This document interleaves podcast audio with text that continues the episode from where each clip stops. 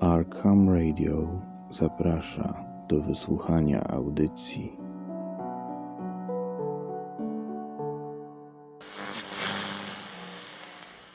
Ewa Samulak, szaleniec.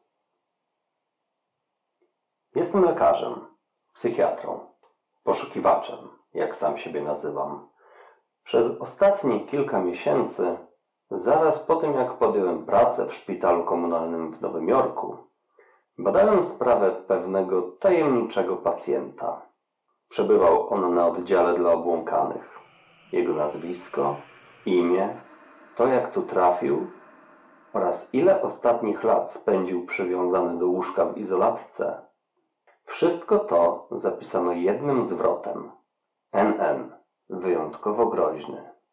Żaden z pracowników zatrudnionych na oddziale nie potrafił powiedzieć o naszym pacjencie nic ponad to, że wszelkie próby nawiązania z nim kontaktu są bezcelowe. Mężczyzna ignoruje odwiedzających, odwraca wzrok i uparcie milczy. Nie potrafiłem przejść obok kogoś takiego obojętnie. Miałem doświadczenie w pracy z takimi ludźmi i wiedziałem, że będę w stanie poznać jego tajemnice.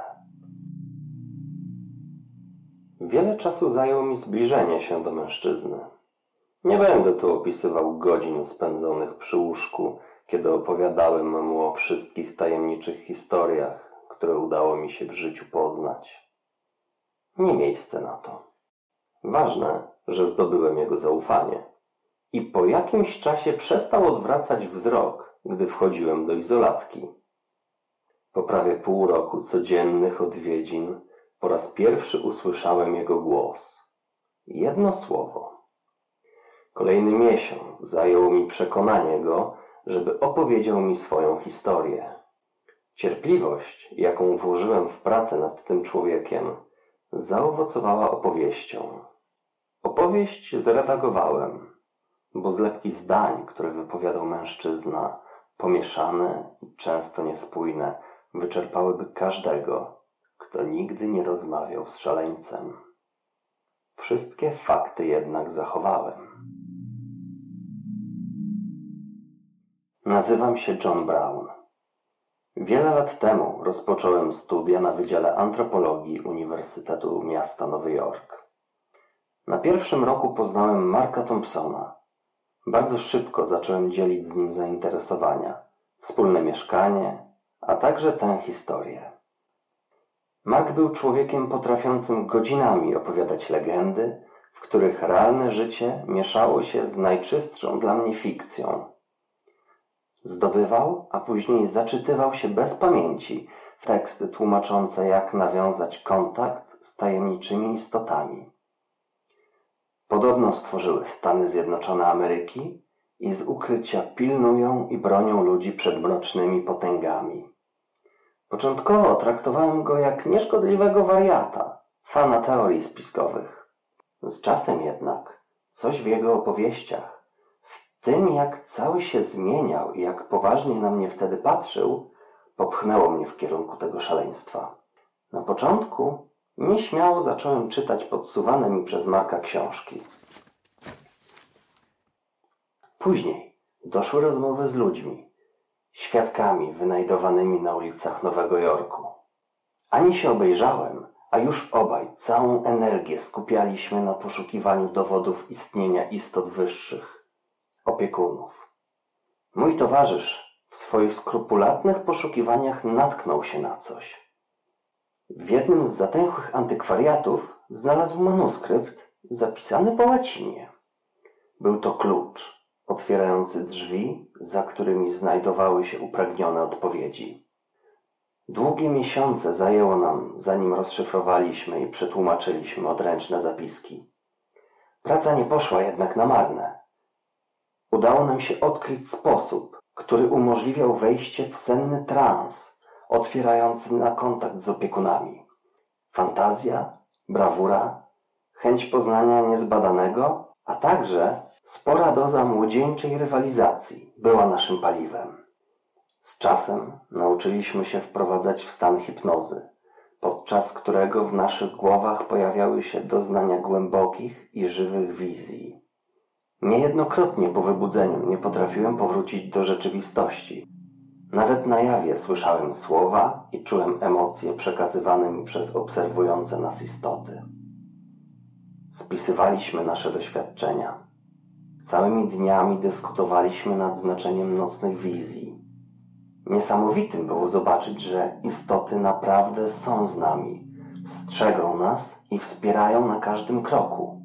Karmiły nas wiedzą, pokazywały nam przyszłość i zsyłały rady dotyczące dalszych działań.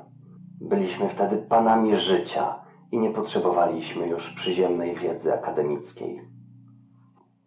Przestaliśmy, jak zwykli ludzie, błąkać się w zwątpieniu.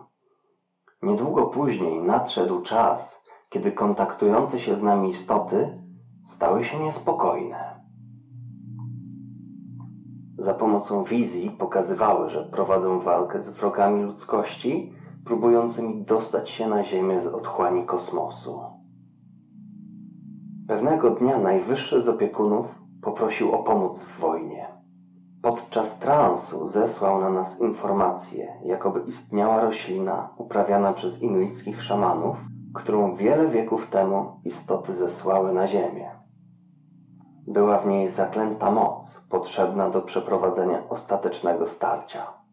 Uwolnić moc mógł jedynie rytuał, którego ścisłą instrukcję otrzymaliśmy w majakach sennych. Należało z pojedynczego nasiona wyhodować drzewko. Jego owoce po zjedzeniu dadzą kapłanowi siłę umożliwiającą duchowe zjednoczenie z istotami i ostateczne pokonanie obcych. Nasiono miało być umieszczone w doniczce otoczonej specjalnymi ochronnymi symbolami. Ewentualne ataki wrogich sił podczas przeprowadzania obrzędu odeprzeć miały słowa modlitwy, i zdobyty przez Marka rewolwer. Najważniejszym przykazaniem zesłanym przez istotę był sposób uprawy rośliny.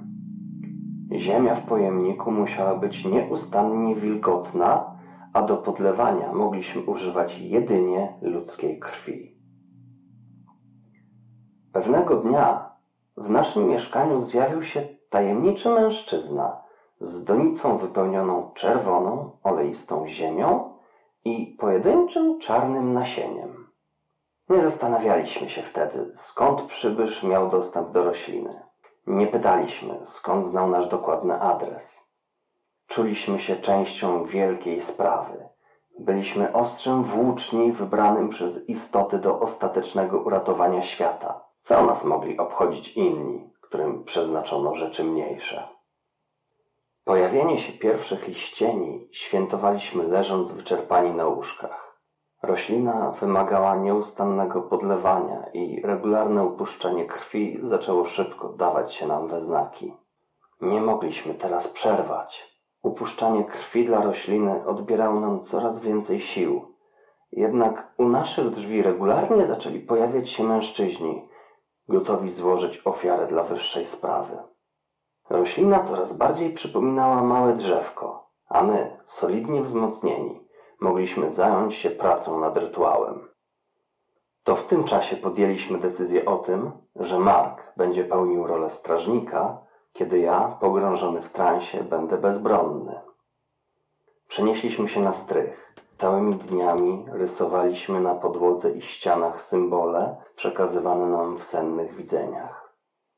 Jeden znak za kolejnym, jedna wizja za drugą. Kiedy na drzewku zaczęły pojawiać się pierwsze owoce, małe czarne jagody, we śnie spłynęły na mnie słowa mocy. Teraz skupiłem się już tylko na zapamiętywaniu dziwnie brzmiących słów. Ludzkie gardło nie było stworzone do ich wypowiadania, ale nie było to niemożliwe. Nadszedł marzec. I pewnego dnia podczas przygotowań usłyszałem głos ostrzegający, że jeśli dziś w nocy nie przeprowadzimy rytuału, wszystko przepadnie. Obcy byli już naprawdę blisko i istoty nie mogły dłużej zwlekać z otwartą walką. Wieczorem dokończyliśmy rysować krąg na podłodze.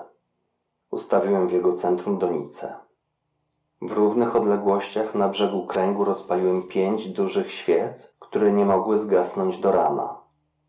W ich blasku przerażająco wyglądały symbole narysowane przez nas na ścianach.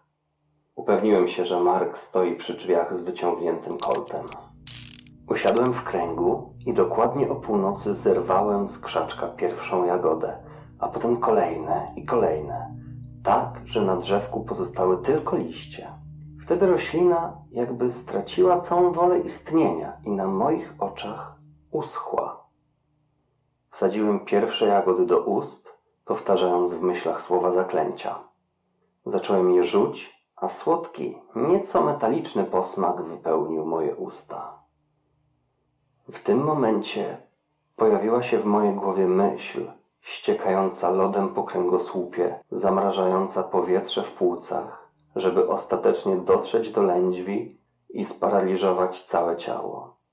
To, co miałem w ustach, co musiałem tu i teraz przerzuć i połknąć, miało smak, było mięsem, ludzkim mięsem.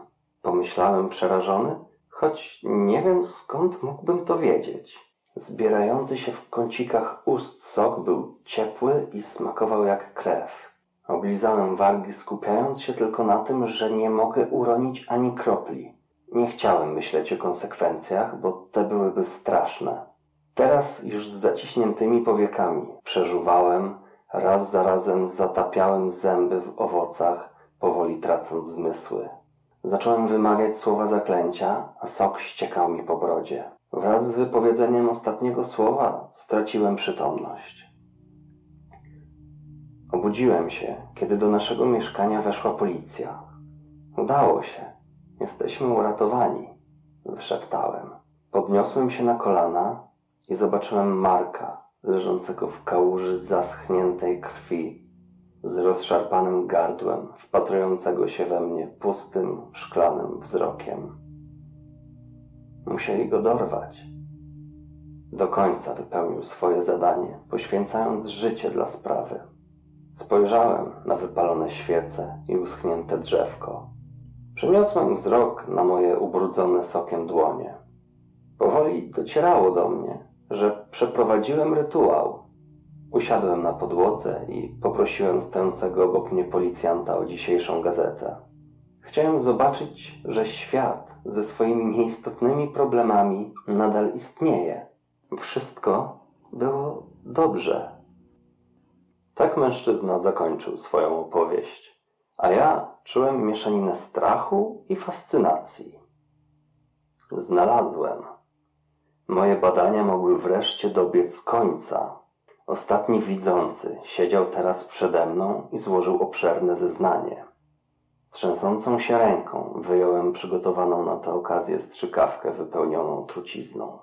Szybkim ruchem, patrząc mężczyźnie prosto w oczy, wbiłem igłę w jego ramię i wepchnąłem tłok do samego końca.